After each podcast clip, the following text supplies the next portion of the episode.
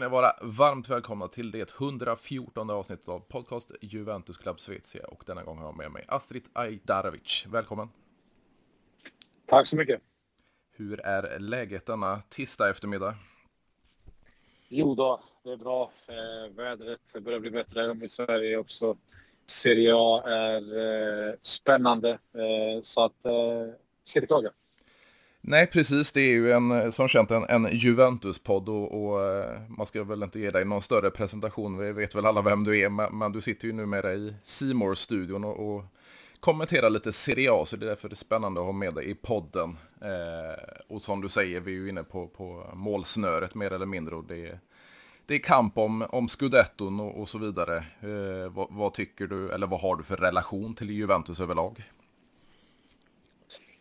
Nej, jag har faktiskt eh, inte någon relation till Juventus. Jag har massa vänner som är nära vänner som är eh, stora Juventus-supportrar. Eh, det, det, är väl det enda. Eh, mm. Sen klart att man har följt Juventus sen man var liten pojke. Eh, under deras stor, storhetstid. Eh, och framförallt nu senaste 10-15 åren som man själv har varit aktiv så, så klart att man har koll.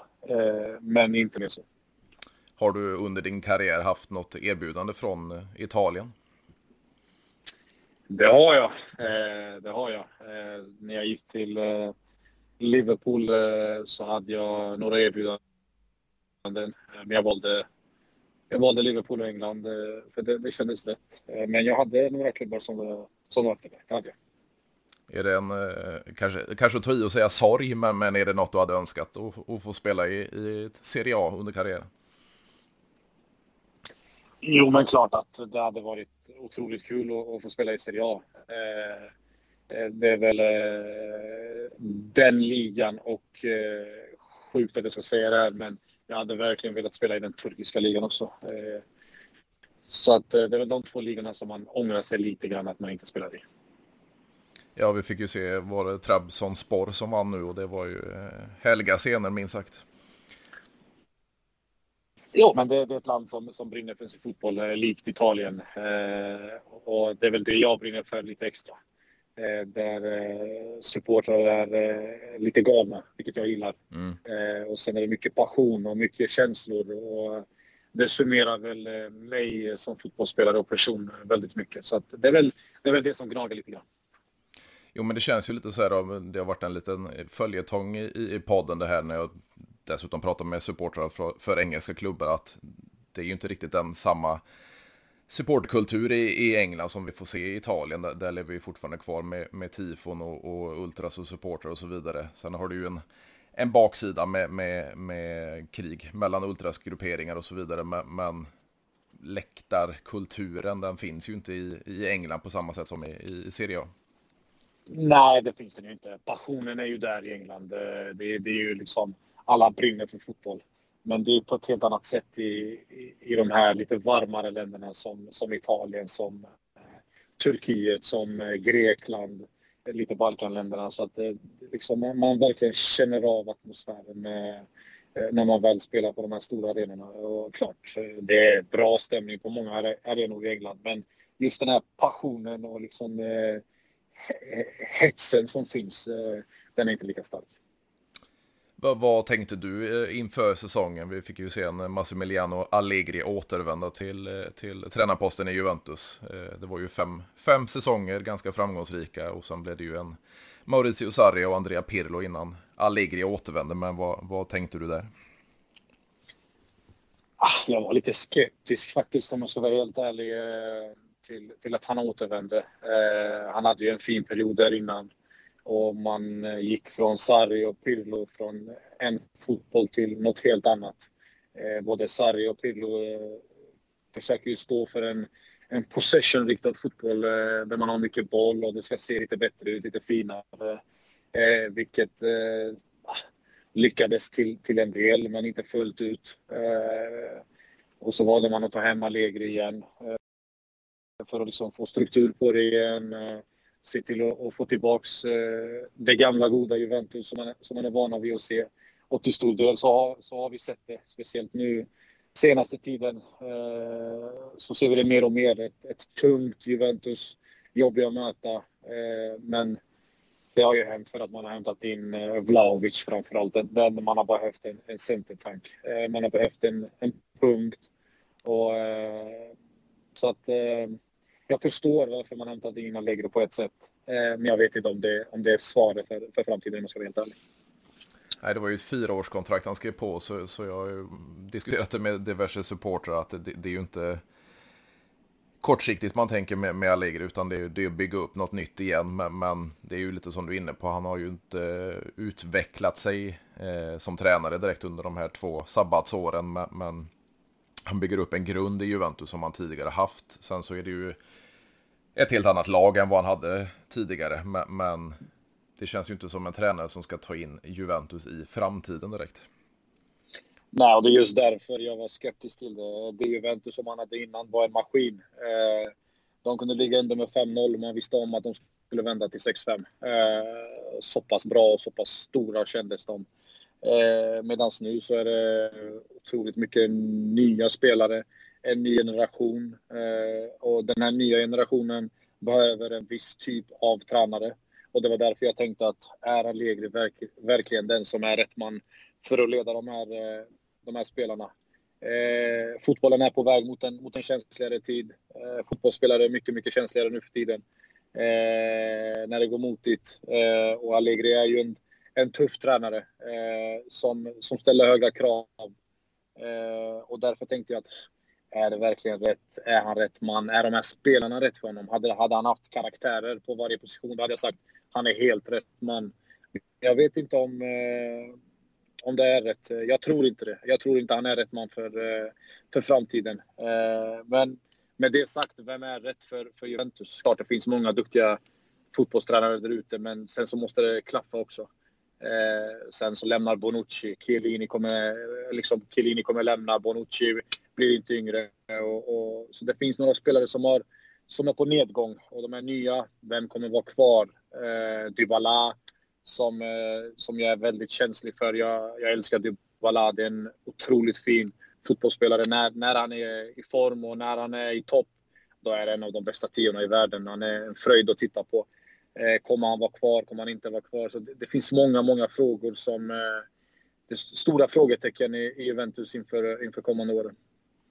Ja, alltså nu, nu har du lite avslöjat dig, men, men vad, vad, tycker du och tänker du om den här Dybala-situationen? Klubben har ju annonserat att han kommer lämna som bossman, även fast ingenting är klart. Eh, tycker du att man, man behandlar situationen på rätt sätt? För alltså, han har ju varit fruktansvärt skadedrabbad de här senaste åren och, och han får ju inte ut sina prestationer på, på rätt sätt. Tycker du att man, man gör rätt i att släppa honom eller borde man försöka komma överens om ett, ett nytt kontrakt? Alltså känslan säger ju att Juventus har försökt. Eh, och sen någonstans så måste man ju mötas halvvägs. Och jag tror att Juventus har fått känslan att ah, vi, det ser inte ut som att eh, Dybala vill vara kvar kanske. Han kanske vill ha en ny utmaning. Han kanske inser att, vet du vad, jag, jag behöver någonting nytt. Den här truppen funkar inte för mig längre. Eh, men jag tror inte Juventus hade gått ut så tidigt som de gick om de inte hade haft känslan att vi kanske kan ha kvar honom. Utan de måste ha fått signaler från Dybala att ah, jag är inte så sugen på att vara kvar. Eh, det, det, är min känsla. Eh, sen tror jag det finns andra lag som, som har ryckt i honom väldigt länge och det är klart att man tänker på det. Eh, han har ju varit i Italien så länge. Sen vet jag inte riktigt hur han är som människa, vad han har för ambitioner. Tänker han att jag vill testa på en annan liga, jag vill testa på en annan klubb. Ehm, så det är så svårt att svara på, men just, just känslan är att Juventus har försökt och de har insett att han vill inte. Eh, så är det klart att pengar spelar stor roll. Ehm, det förstår väl allihopa. Ehm, det kanske är så att Dybala krävde för mycket och Juventus eh, hade en sista peng som de, som de la ut på honom och de gick inte längre. Så det, det finns finns så många olika faktorer som kan spela in i det här. Men jag personligen tror att eh, Juventus sträckte sig så, så mycket som de kunde för att, för att ha kvar honom. Eh, men de lyckades inte helt enkelt. Och, och jag tror också lite att, att han tänkte att jag börjar bli äldre, ska jag testa på en ny liga och, och, och se hur det är. Ja, han borde ju i sin ålder i dagsläget vara i sin prime. Sen är det ju skadorna som, som förstörde för honom och jag tror det finns väl något lite där att han han vill spela i La Liga det är ju många som har jämfört honom med, med Messi, men, men att spela för Barcelona vore nog stort för honom. Sen pratas det ju fortfarande om, om Premier League-klubbar och eh, Inter i, i Serie A, men, men eh, har han det Juventus-hjärta som han har påtalat tidigare så borde han ju lämna Serie A åtminstone. Ah, hjärta och hjärta. Eh, jag tror att eh, när man får se vissa siffror så är det väldigt, väldigt svårt att tacka nej till vissa grejer också. Eh, jag tror det är lätt för supportrar att bara säga ah, men hjärta, hjärta, hjärta. Eh, det funkar inte alltid så. Eh, allt beror på vilka, vilka typer av karaktärer vi har att göra med. Eh, man kan säga väldigt mycket men inte mena det. Återigen, jag vet inte hur Dybala är som människa. Han kanske står vid, vid sitt ord men är det så att projektet är tillräckligt bra för honom och han får en monsterlön. Det hade inte förvånat mig om han drog dit om jag ska vara helt ärlig. Eh, det, finns, det har hänt värre grejer i, i fotbollsvärlden som vi har sett tidigare som, där folk har sagt nej jag kommer aldrig lämna, jag kommer aldrig lämna och så, och så gör de det och så går de till en, till en konkurrent. Så att eh, ingenting förvånar mig i dagens fotboll om jag ska vara helt ärlig. Nej, det är väl mer en, vad ska man kalla det, romantiserande syn på det hela. Där det är ju typiskt i just Serie A och Italien att man, man kallar dem ju för Bandera, att de ja, förblir i sina klubbar. Totti i Roma, mm. De Rossi och så vidare där och, och givetvis Del Piero i Juventus och, och Maldini mm. i Milan. Men, men, de spelarna finns ju egentligen inte idag längre. Nej, men med det sagt också så kan jag garantera att de där, de där killarna ångrar att de inte gick till några andra klubbar under sin karriär. Eh, jag förstår att charmen är där, att eh, man ur en supporters vinkel tänker wow, vilken människa Eh, men jag, jag, kan nästan garantera att alla de här Gerards och, och Del Piero och Totti önskar att de tog klivet någon annanstans efter sin karriär. Eh, för att, eh, alltså, det bara, det bara känns som det. Eh, jag har pratat med väldigt många andra fotbollsspelare under min karriär. De har sagt fan, varför? jag borde ha gjort det här, jag borde ha gjort det här. Men, men jag, jag, jag gjorde inte det då för jag kände bara att jag kunde inte göra det men jag har hört så många efter sina karriärer sagt att ah, fan vad jag ångrar det här. Och på något sätt så känns det som att jag tror att de här killarna ångrar det också. Jo, men det är ju lite så här, det går ju att jämföra olika spelare, men att vinna, Totti vann ju inte speciellt mycket med, med Roma och det var ju mycket Real Madrid-snack och så vidare. Del Piero vann ju ganska mycket med Juventus och det är, det är lite skillnad på, på spelare och spelare där och Maldini vann ju givetvis ja. med, med, Milan också. Men, men, som du säger, alltså Totti var trogen Roma men eh, det var ju inte så mycket i, i trofékabinettet. Nej, och det är just det jag tror gnager honom. För att som fotbollsspelare efter, efter sin karriär då vill man ändå ha någonting där. Eh, liksom vinna titlar, kupper och komma långt till Champions League och kanske vinna Champions League. Och, eh, det är där jag, jag liksom pratar om att där har jag pratat med väldigt många och de har sagt varför gick jag inte dit? Jag kunde ha spelat Champions League-fotboll. Varför, varför gick jag inte dit? Jag kunde ha vunnit ligan där. Jag kunde liksom fått en legendstatus där. Och, och, det är därför jag säger att jag tror, jag tror verkligen att väldigt många av de här legenderna som har varit trogna i sina klubbar. Jag, jag tror någonstans att, att de ångrar sig att de inte testade sina vingar i, i andra storklubbar. Det tror jag 100 procent. Eh, på tal om en annan superstjärna, vi fick ju se en, en Cristiano Ronaldo lämna Real för Juventus och, och lämna Turin då förra sommaren. Men, men, om man tittar i backspegeln och lite med facit i hand, gjorde Juventus rätt när man tog in portugisen eller eh, tror du det var en, en dålig värvning? Nej, har du, har du en kille som gör, vad gjorde han i, i Serie A? 30 eh, mål eller vad fan var det? Eh, ja, uppemot 30 mål, då, då, då, är det klart att det inte är en dålig värvning. Jag skulle nästan vilja säga att eh, det är de runt omkring honom som, som har varit dåliga. Eh, mm. som inte har presterat på en nivå som, som krävs. Jag menar, vad mer ska du kräva om, av Ronaldo? Han gör sitt jobb. Eh, då gäller det för de andra att göra sitt jobb. Eh, speciellt tränarna. Det gäller att hitta ett sätt att spela på. Det gäller att hitta ett vinnande koncept eh, och spela runt omkring honom. Och det gjorde inte de tränarna tyvärr. Nej, det känns ju som alltså beslutet att ta in Ronaldo kanske inte var fel, men att man går från Allegri till Sarri till Pirlo under de här tre åren som Ronaldo är i klubben. Man tar in spelare som inte håller samma nivå. Och Juventus är ju inte ett lag som spela med en superstjärna utan man, man, har, man bygger upp ett, ett lag, ett kollektiv. Det har ju både mm. Chiellini och, och Bonucci varit inne på. Och Buffon, även han eh, efteråt, att, att man tappade den känslan, lagandan, kollektivet med Ronaldo i truppen. Men det är ju inte Ronaldos fel utan det är ju ledningens fel som valde att ta det här steget så att säga. Nej, sen får vi inte glömma att eh, Bonucci, Chiellini och Buffon eh, spelade under en era där man hade kvalitet på nästan varje position. Mm. Eh, och när Ronaldo kom då var det verkligen inte så. Eh, så det där är lite dåligt sagt av, av de killarna om jag ska vara helt ärlig för att de borde ha tänkt på vad de hade runt omkring. Eh, och det var inte i närheten av den kvaliteten som var i Juventus för, eh, för ett visst antal år sedan. Eh, så det, det, ger inte rättvisa gentemot Ronaldo. Jag ska vara helt ärlig, jag är inget fan av Ronaldo. Eh, det är inte min typ av spelare, det är inte min typ av karaktär om jag säger så. Det, alla har sina typer av spelare, men man får aldrig ta ifrån honom det, det han gör målmässigt, poängskördsmässigt. Eh, jag, jag, jag, skulle mer klaga på att det är de runt omkring som var helt enkelt för dåliga och, och, och eh, de tränare som var där, de, de kunde inte hantera trupperna tillräckligt väl. De visste inte hur, hur de skulle ställa upp för att se till att vara ett vinnande Juventus. Och det är inte så att det går bättre nu. Eh, Ronaldo är inte kvar och ändå så är man inte där uppe. Och då, då är det ändå Juventus vi snackar om, oavsett om man har tagit in nya spelare eller inte.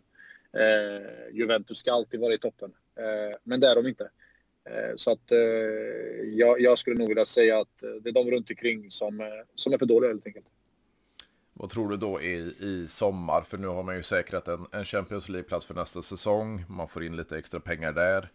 Eh, mm. Det talas ju om att, försöka få bort Ramsey till slut då. Eh, man, man gjorde sig av med, med Bentancourt och Kulusevski och så vidare mm. under, under förra fönstret. Eh, det talas mycket om Milinkovic Savic till exempel och så vidare. Vad, vad, tror du Juventus behöver göra i sommar för att ta det där nästa steg? Nej, självklart som du är inne på. Man måste ju rensa lite grann. Eh, det finns väldigt många spelare som, eh, som inte håller längre. Eh, och det är inte bara Ramsey och Bentancur och Kulusevski. Även om jag tror att just Dejan fick för lite tid och han, han kom in i, liksom, i en tid där Allegri var tvungen att sätta standard, standarden direkt och den typen av fotboll inte passar Dejan alls. jag tror, hade det gått en, två, tre år så hade han kommit in i det mer och mer. Men jag tror att man måste rensa. Eh, jag tror inte på eh, Alexandro till exempel. Jag tror hans tid är förbi. Mm. Där måste man hitta en ny. Man måste hämta in en till bra målvakt. Sen klart att på mittfältspositionerna så måste man inte hämta in en otroligt bra innermittfältare som, som styr spelet. Artur, han har mycket kvalitet men väldigt mycket skadad. Eh, och det håller inte. Eh, sen vet jag inte om han vill ens vara där om jag ska vara helt ärlig. Jag, jag tror inte den typen av fotboll passar honom. Eh, men man måste hitta en general där på mitten. Man måste hämta karaktärer likt Vlahovic, eh, ett namn. Och nu måste man hämta två, tre namn som eh, inger respekt gentemot Juventus och visar att vi är Juventus, vi menar allvar. För det är det man har levt på under hela sin tid som klubb. Man har alltid haft stora spelare, stora namn. Eh, så att eh, jag tror eh, det kommer vara en, en stor, hur ska man säga, clean-up mm. i Juventus. Det, det, tror jag verkligen. Jag tror att Allegro kommer... Jag tror Allegro vet vad han vill ha in. Och som du säger, Milinkovic Savic är ju i den typen av kategori. Namn, har pondus, har varit mycket, mycket bättre i år i Lazio än vad han varit tidigare. Så att jag tror han hade passat utmärkt i Juventus, det tror jag verkligen. Ja, det finns ju lite kopplingar. Alltså, dels är han ju landsman då med, med Vlaovic. Eh, mm. Kopplingen där. Hans bror spelar ju som målvakt i, i Torino i, i stadsrivalen. Mm. Så det finns ju kopplingar till, till Serben att han skulle kunna trivas i, i Juventus. Och det, det är ju inte ett nytt namn på, på Juventus rad heller. Nej, som du säger. Men jag tror också just digniteten Juventus skulle passa honom. Eh, nu när Juventus har fått tillbaks, alltså fått sin Champions League-plats. Vilket eh, jag tror var prio ett för Juventus eh, med tanke på hur det såg ut där i början på säsongen. Jag sa det hela tiden även i, i våra program att Juventus ska bara fokusera på Champions League. Det är det enda man ska fokusera på. Allt annat är en bonus. Eh, för man är inne liksom i, en, i en ny fas där man måste bygga om, man måste bygga nytt. Eh, och Allegri måste sätta sin prägel på det hela och de måste förstå vilken typ av fotboll han vill stå för. Eh, och, och, han måste få sina typer av karaktärer och där tror jag att Milinkovic Savic passar in. Eh, inte bara som fotbollsspelare men även som karaktär och person. Man ser ju på honom när han spelar i, i Lazio att eh, han gillar att ta för sig och inte är rädd för att ryta ifrån uh, när det ska rytas ifrån. Och det är sådana där typer av spelare som, som, eh, som Juventus behöver. Så att, eh, och det är det jag menar med namn. hämta in två bra mittfältare, hämta in en till bra anfallare och, och liksom två, två, tre bra backar så är de hemma liksom. För att Juventus vinner otroligt mycket bara på att vara Juventus. Uh, namnet säger otroligt mycket och Kielin har alltid sagt det och han kommer väl alltid säga det. Det sitter i väggarna och mm. det går inte bort men det gäller för Juventus-ledningen att få tillbaks eh, de här typerna av spelarna som, eh, som, som gör Juventus rättvisa. Ja, det är lite som du säger. Alltså, vi, vi, du var inne på det tidigare. Chiellini och, och Bonucci blir ju inte yngre. Tycker du att man har gjort ett generationsskifte för sent. För alltså vi tog in Delicht 2019 men ser vi på försvarslinjen så, så är det ju egentligen ingenting vi hör, speciellt om vi pratar ytterbackar för det har man ju knappt förnyat överhuvudtaget. Tror du att man mm. har dragit ut på det lite för länge? Ja, men lite för länge skulle jag vilja säga att de har gjort det. De, de borde ha hämtat in eh, en eller två till där bak. Eh, visst, Delikt kom som en uh, ung talang, stor talang, världstalang. Och, men sen måste vi förstå också, han kommer från en helt annan skola. Att han är stor, stark och fysisk, uh, fine. Men han kommer från en liga där liksom man spelar väldigt mycket man-man. Och så kommer han till Italien där det är otroligt taktiskt. Alltså det är två helt olika världar. Och där skulle jag vilja att då att Juventus hämtade in någon eh, som liksom var lite yngre och som, som var i sin peak än, än liksom Bonucci och Chiellini som är väldigt skadedrabbade. Trots att jag tycker att det är viktigt att de är kvar så att de liksom kan ge, lära ut och, och liksom visa att det här, this is the Juventus way. Det, det är så här man ställer krav. Så här ska det se ut på träningarna. Eh, så på så sätt tycker jag inte att man har gått för sent. Men man kunde ha haft kvar båda två. Men att man hämtade in någon som kunde kanske spela jämte eh, delikt och liksom var hans lilla trygg, eh, trygghetspunkt. Eh, så att lite sen och sen på vänsterbackspositionen så, så tycker jag verkligen att Sandro har, har gått ner sig otroligt mycket de senaste säsongerna. Jag, inte, jag var väldigt svag för Sandro i, i början av hans tid i, i Juventus och, och, sen när han var i sin peak. Men nu så ser väldigt trögt ut. Eh, jag vet, motståndarna läser av honom. De vet hans styrkor och, och snabbheten finns inte där längre.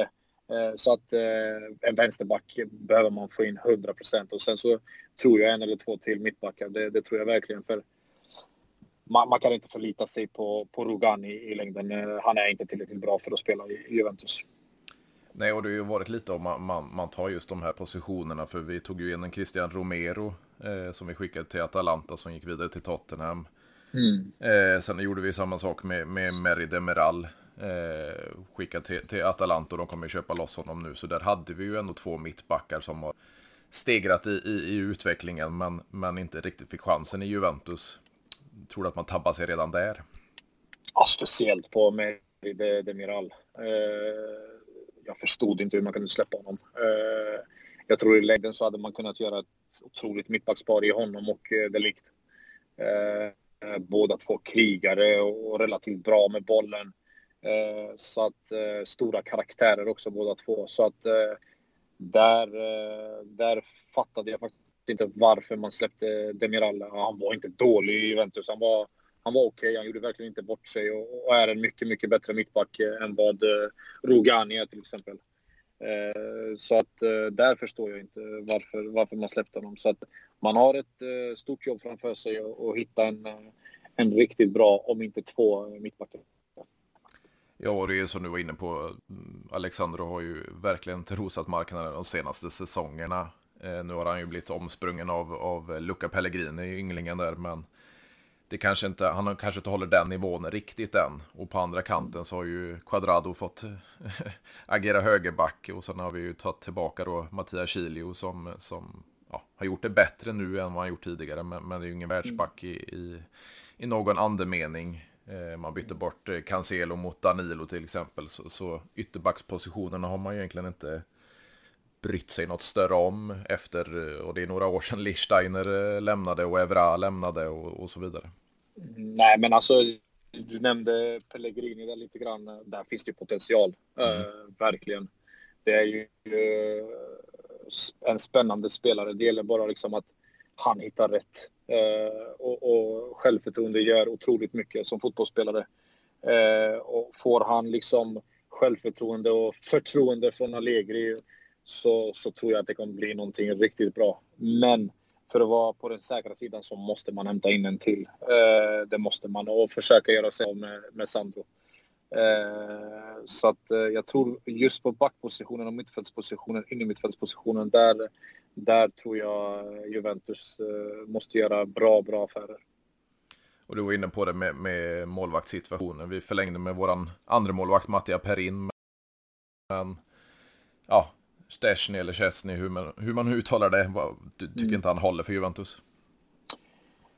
Han har ändå varit bättre eh, den andra delen av säsongen, det har han. Eh, men vad är Juventus? Vi är vana vid att se mm. Buffon som eh, har varit en av världens bästa målvakter genom tiderna. Återigen, för mig Juventus är, är den största klubben i, i Italien och, och en stor makt. Eh, vad vill man vara? Vill man vara liksom mellanmjölk eller vill man fortsätta vara en stormakt? Och vill man vara en stormakt då måste man hämta in bra spelare på varje position. Eh, och då, då, då gäller det att liksom ha det i, i, från målvaktspositionen och ända upp till, till anfallet. Eh, så att klart att man måste... Alltså Chesney är okej, okay, han är inte dålig. Eh, men jag tror att eh, kan man hämta in en stormålvakt som Donnarumma till exempel så, så, så hade det sett mycket, mycket bättre ut. Tror du att det kan hända någonting där? Det, det talas ju fortfarande. Nu har han ju spenderat en säsong i Paris Saint-Germain, men vi har ju skattesystemet eller skattelättnaderna i, i Serie A när man varit utomlands i två år eller kommer från utlandet så betalar klubben 50% skatt bara. Tror du mm. att han kan nästa sommar igen då eh, återvända till Italien och, och, bli Juventus nummer ett?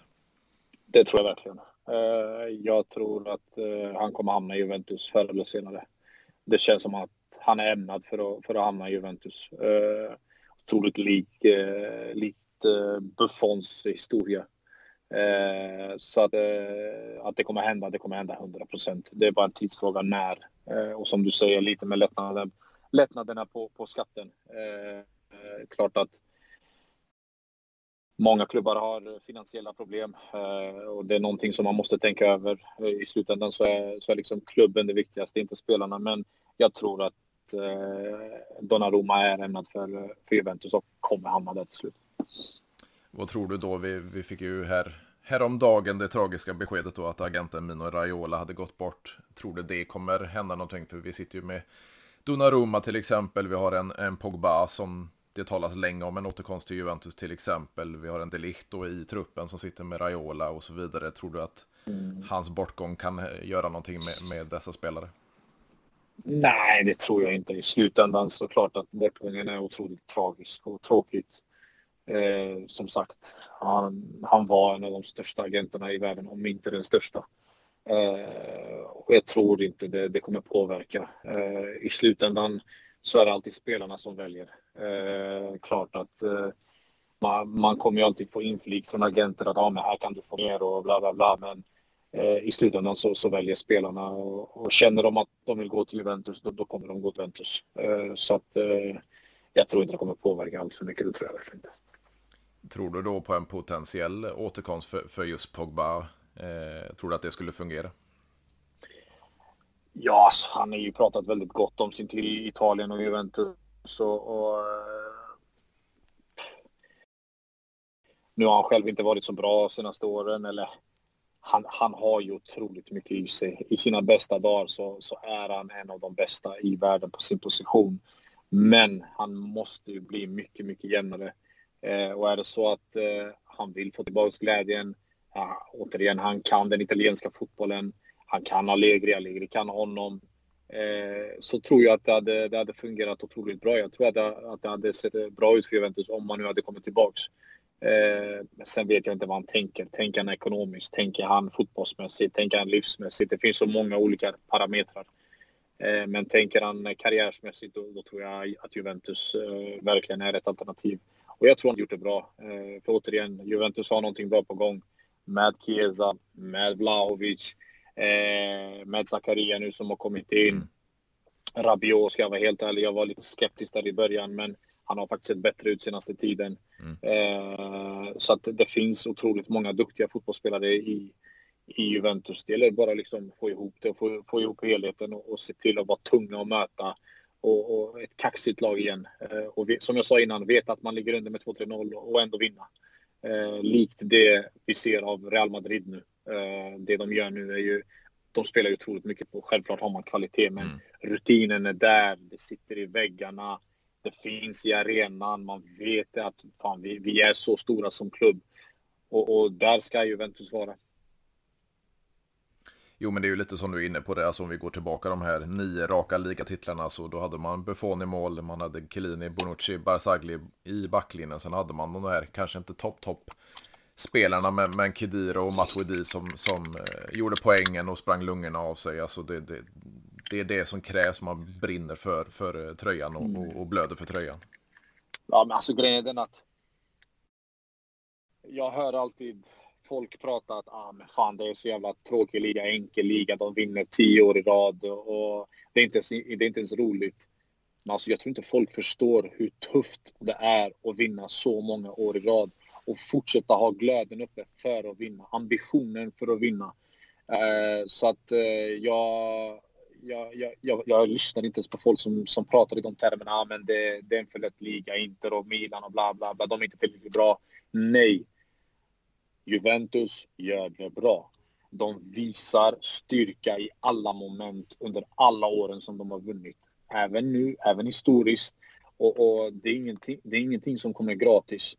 Eh, så att vinna så många år i rad, alltså det, det är en sån styrka att det, det, är helt omöjligt för mig att förklara för er supportrar. För att jag vet själv hur svårt det är att vinna en liga till exempel. Och tänk då tio i rad. Mm. Eh, för du kommer vara jagad. Folk kommer göra allt för att förstöra för dig. Men du hämtar in spelare med rätt mentalitet, med rätt kvalitet. Du nämnde där två stycken. Kedira och eh, Matuidi. När du lyssnar på dem så är det inte två sexiga spelare om man säger så. Utan de har insett att vet du vad, vi har kommit till Juventus och vi ska kämpa för att vinna. Och på så sätt som ger dem någonting till Juventus. Eh, och det gjuter från, liksom, från de här stora spelarna. Chiellini, Bonucci. Eh, och alla de här gamla spelarna som har varit där innan. Från Marquisio till eh, Vidal och allt, allt som har varit där innan. Så att det, det liksom... Man märker av det när man kommer in första träningen. Uff, det är hög kvalitet. Det är högt i tak. Det smäller på träningarna. Och samma sak kommer det göra på matcherna också. Så att, eh, eh, att de vinner tio år i rad, det är, liksom, det är någonting otroligt svårt och det ska man aldrig, aldrig ta ifrån som gör det. Oavsett om det är Juventus eller Barca, Real, United eller Celtic eller Rangers eller vad det nu än är. Eh, så att, eh, att göra det, det visar, det visar på styrka, det visar på eh, liksom lagsammanhållning och det visar på vilken, vilken stor klubb man är, dignitet. Definitivt och, och det är mer välkommet nu. Alltså, den här, det är klart att som Juventini så, så vill man ju se den här dominansen men det var ju några säsonger där vi, vi sprang iväg och det var 17 poängs skillnad ner till tvåan och så vidare. Jag vill ju såklart se den här större konkurrensen om, om scudetton. Eh, sedan är det klart att jag inte vill förlora den som vi gjorde förra säsongen och vi kommer göra denna säsongen. Men men att det är fler lag. Det är de stora eh, randiga i norr som, som tampas av det och så har vi lite uppstickare i, i Napoli, Roma och, och Lazio och så vidare. Det, det är det man vill se som, eh, som calciofil så att säga. Jo men återigen. Det är inte Juventus problem, utan det är de Nej. andra klubbarnas ambitioners problem. Uh, och jag förstår vad du säger. Jag vill också se en, en serie, uh, serie som där det är tajt så som det är just nu mellan Juve, äh, förlåt, mellan Milan och Inter. Eh, och det är ju det som håller eh, liksom Serie A vid liv. Eh, men det är ju inte, som jag säger, det är inte Juventus problem utan det är ju Inter, Milan, Roma, Lazio, Napoli. Det är ju deras problem att de inte vill satsa, att de inte har högre ambitioner. Eh, så att det, det, får ju liksom stå för dem. Juventus har ju en clear sight som man brukar säga. De vill vinna till varje pris, de vill vinna varje år. Sen hur det ser ut, det är skitsamma. Mm. De vill komma långt i Champions League. Det är väl det som har gnagt lite grann på Juventus, att man inte har liksom lyckats vinna en champions på de här storhetstiderna som man har haft de senaste 10-15 åren. Eh, och klart, man var nära mot Real Madrid, men eh, återigen, det, det Juventus gör, eh, eller har gjort, det har varit otroligt mycket bra och nu så är man under en byggnation, eh, en ombyggnation och sen hur lång tid det kommer ta, det vet jag inte. Eh, har man ambitionen, är man hungriga nog, då kommer det inte ta lång tid som det har tagit för United till exempel. Man kan se på United, de gör allting fel. Eh, och där vill man inte hamna och därför så är eh, de på högre posterna så otroligt viktiga. Eh, att de har in rätt människor för att scouta, att de har in rätt eh, sportchef, att de tar in rätt spelare med rätt karaktär. För det är det det handlar om i storklubbarna. Karaktär. Väldigt mycket handlar om karaktär. Du kan hämta kvalitet, men har han inte det mentala, har han inte karaktären för att spela för en storklubb, har han inte karaktären för att liksom jobba sig i motvind när fansen busvisslar och du, du ligger under med 2-0 utan bara lägger sig ner och dö, då är det skitsamma. Så du måste hämta karaktärer eh, och det är det Juventus måste göra tror du framförallt det, det är viktigt i Italien och Serie A det här med som, som du säger, alltså uppifrån ledningen redan. Vi har ju en, en familjen Angeli då, som, som ägt eh, Juventus i snart hundra år och fortfarande mm. så har vi Ja, vi har ju tredje generationen Angeli då i Andrea som sitter som president. Eh, vi fick ju se Berlusconi styra i, var det 31 år i, i Milan och sen så har det ja, kinesiskt och, och nu amerikanskt och ska ännu gå vidare. Vi har Moratti Inter då i många, många år. Eh, som blev eh, indonesiskt och sen kinesiskt och så vidare. Tror du att Juventus, att de håller kvar i Angeli, de håller kvar i, i traditioner och så vidare. Att det är det som har byggt upp Juventus så pass starka eh, rent historiskt? Alltså, grejen med att uh, Angeli är att så länge han visar motivation och, och, och ambition eh, för att göra Juventus till en stormakt igen eh, så, så ser jag ingen anledning till att byta. Eh, så länge han tar in det tränarna vill ta in och, och det klubben behöver. Och, och, det som gjorde mig mest glad är att man agerade direkt i vinterfönstret istället för att reagera för sent med Vlahovic till exempel. Man insåg faran, man såg att uff, det här är på väg åt helvete, vi är på väg att missa Champions League. Vad ska vi göra? Jo, vi behöver få in en anfallare i dignitet Vlahovic. Eh, och, och, det är det som gjorde mig lite glad. Eh, det finns väldigt många klubbar som liksom gör det för sent, vissa grejer. Och där visar Juventus storhet lite grann. Eh, och det är det som har gjort att man har den här Champions League-platsen just nu. Eh, så att eh, återigen, så, så länge man, eh, man satsar och man visar ambition så ser jag ingen anledning till att, till att liksom hämta in någonting nytt. Sen klart, kommer det någon ny som, som dubblar och tripplar eh, budgeten, då kan man alltid se över det.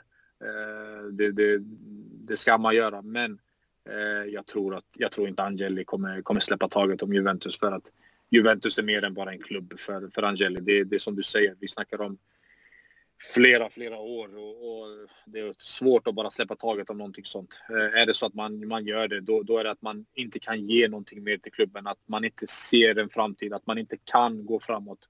Det är då jag tror att, eh, att man släpper klubben. Men just nu så är man under ombyggnation och, och återigen, gör man rätt värvningar så, så, så tror jag Juventus kommer vinna scudetto nästa år. Ja, jag tror faktiskt, jag översatte nyligen en intervju med, med Angeli och han sa jag, jag, jag har så, så pass kul så jag ska ingenstans och man försöker bygga om det här. Man hade ju den, den eh, framgångsrika kvartetten då med Angeli som president, eh, Nedved som vicepresident, eh, Beppe Marotta då som en sportslig vd och Fabio Paratici som, som sportdirektör kan man kalla det. Och, mm. och, nu har man ju tagit in Areva Bene från, från Ferrari och så har man befordrat eh, Cherubini då som har varit i klubben lika länge som Maratta och, och, och Paratici. Så, så man bygger på nytt som du är inne på och försöker bygga den här starka kärnan igen. Mm. Ja, återigen, det, han går ut själv och säger det och, och jag visste inte ens om det här, det du säger just nu, att han hade gått ut och sagt det här. Och, det, det, det, är den känslan man får också. Uh, och uh, det var därför jag var inne på den här Vlahovic-värvningen. Mm. Att han, han, det gjorde ont i honom att se Juventus lida som man gjorde. Och, och, när man agerar så som man gör som president, då betyder det att om klubben lider, då lider jag dubbelt så mycket. Mm. För det här är min klubb. Och, och, det är det som visar storhet i, i, i Angeli. Och, och därför tror jag att han kommer göra allt, allt i sin makt för att, för att se till att Juve vinner eh, nästa år igen. Hur är dina tankar kring det här? Vi, vi, vi är ganska splittrade Juventini det här med, med Angeli och hans modernisering av allting. Alltså vi, vi, vi tog bort vårt emblem, våran logga och bytte ut det till något fruktansvärt fult. Eh, vi tog bort ränderna en säsong, de klassiska ränderna. Och det, mm. det, är mm. hela tiden han tittar mot, mot andra sidan Atlanten och försöker modernisera klubben och, och, och breda ut sig världen över så att säga. Hur ser mm. du på det? Tycker du att klubben förlorar sin identitet med, med ett sådant eh, agerande eller vad, tro, vad tycker du? Alltså, jag får höra så otroligt mycket om, om det här med modernas, modernisering och, och liksom att man byter ut klubbemblemer. Och, eh, jag, menar, jag, jag är lite grann eh, samma där. Ibland när jag tittar på fotboll nu för tiden då tänker jag fan vad dålig fotbollen är. Det var mycket bättre på min tid. Mm. Allting är alltid bättre från, från sina forndagar. Eh, och, och, jag förstår fans, speciellt den äldre generationen, eh, att eh, de tycker det är tråkigt att sånt händer. Eh, men man måste hänga med i utvecklingen och självklart vissa grejer är extra tråkigt. Eh, eh, det förstår jag att vissa fans tycker. Men Juventus förblir Juventus. Det inte så att bara för att man ändrar ett emblem eller, eller ändrar namn på en arena eller vad det nu är, att det kommer ändra vad, vad Juventus är och vad de står för och historien som Juventus har haft. Ehm, så jag har aldrig sagt det. Jag, jag, jag är lite sån här, man måste se framåt. Eh, man måste hänga med i utvecklingen. Det är som, det är som din iPhone. Du får en uppdatering var sjätte, var, varje år. Och uppdaterar du inte skiten, då, då funkar inte telefonen. Eh, så att eh, jag, jag, jag, förstår fans, men samtidigt så, så förstår jag också eh, att man vill utveckla klubben och, och se framåt. Eh, om man tänker framöver då. Det, det, är ju fortfarande inte helt dött det här med Super League som man är väldigt involverad i.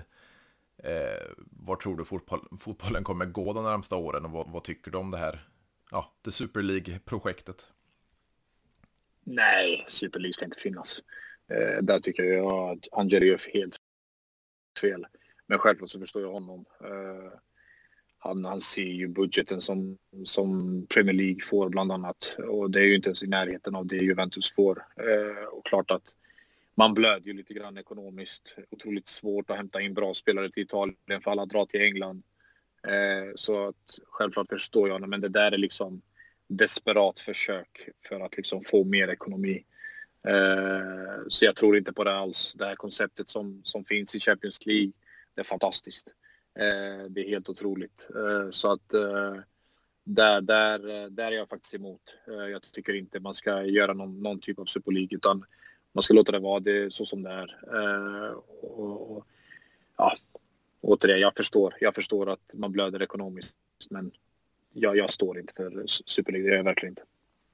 Nej, och jag är helt inne på, på det här som du är inne på. Alltså Champions League, eh, det är vår, vår största och mest eh, prestigefulla eh, full, fulla turnering. Men, det blir lite utvattnat där också. Man, man inför, vad är det, 2024, det här med stora grupper, vad är det, tio lag i varje och så vidare. Det, mm. det förstör ju mästarnas liga så att säga.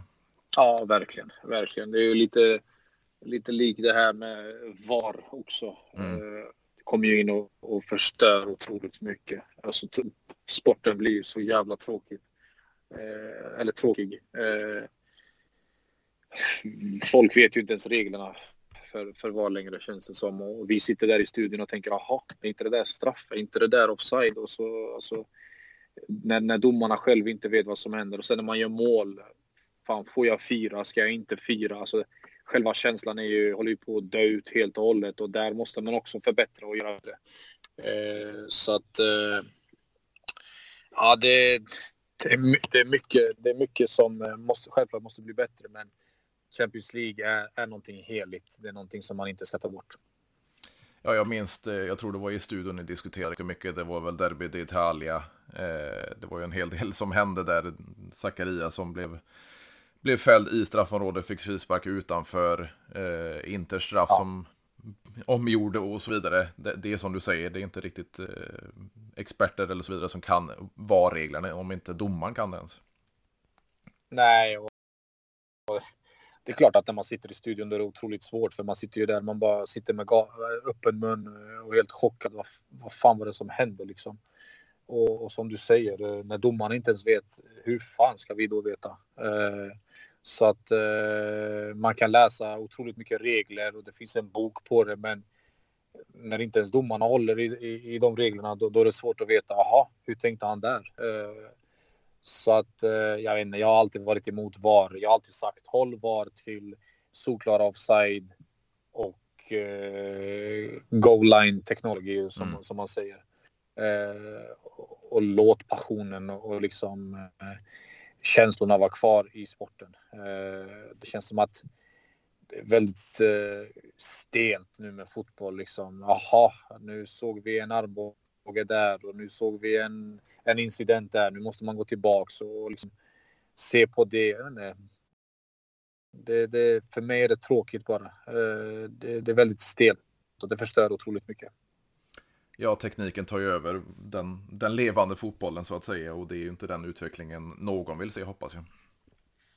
Nej, man vill ju, att, man vill se att spelet flyter på och att det, det finns passion och det finns kvalitet och det finns liksom fel kommer vi göra, absolut. Vi är människor, vi är återigen, vi är inte robotar. All, alla gör misstag. Och eh, spelare gör misstag, domare gör misstag. Och nu så känns det som att ja, nu ska helt plötsligt världen bli perfekt. Världen är inte perfekt och kommer aldrig vara perfekt. Eh, så att eh, vi hade aldrig suttit här och pratat om Maradonas Guds hand liksom. Och det, det, vi sitter här idag 2022 och fortfarande pratar om det. Vilken, vilken, vilken grej. Eh, och, och, så att det, det är väl sådana grejer som man, som man tycker är tråkigt.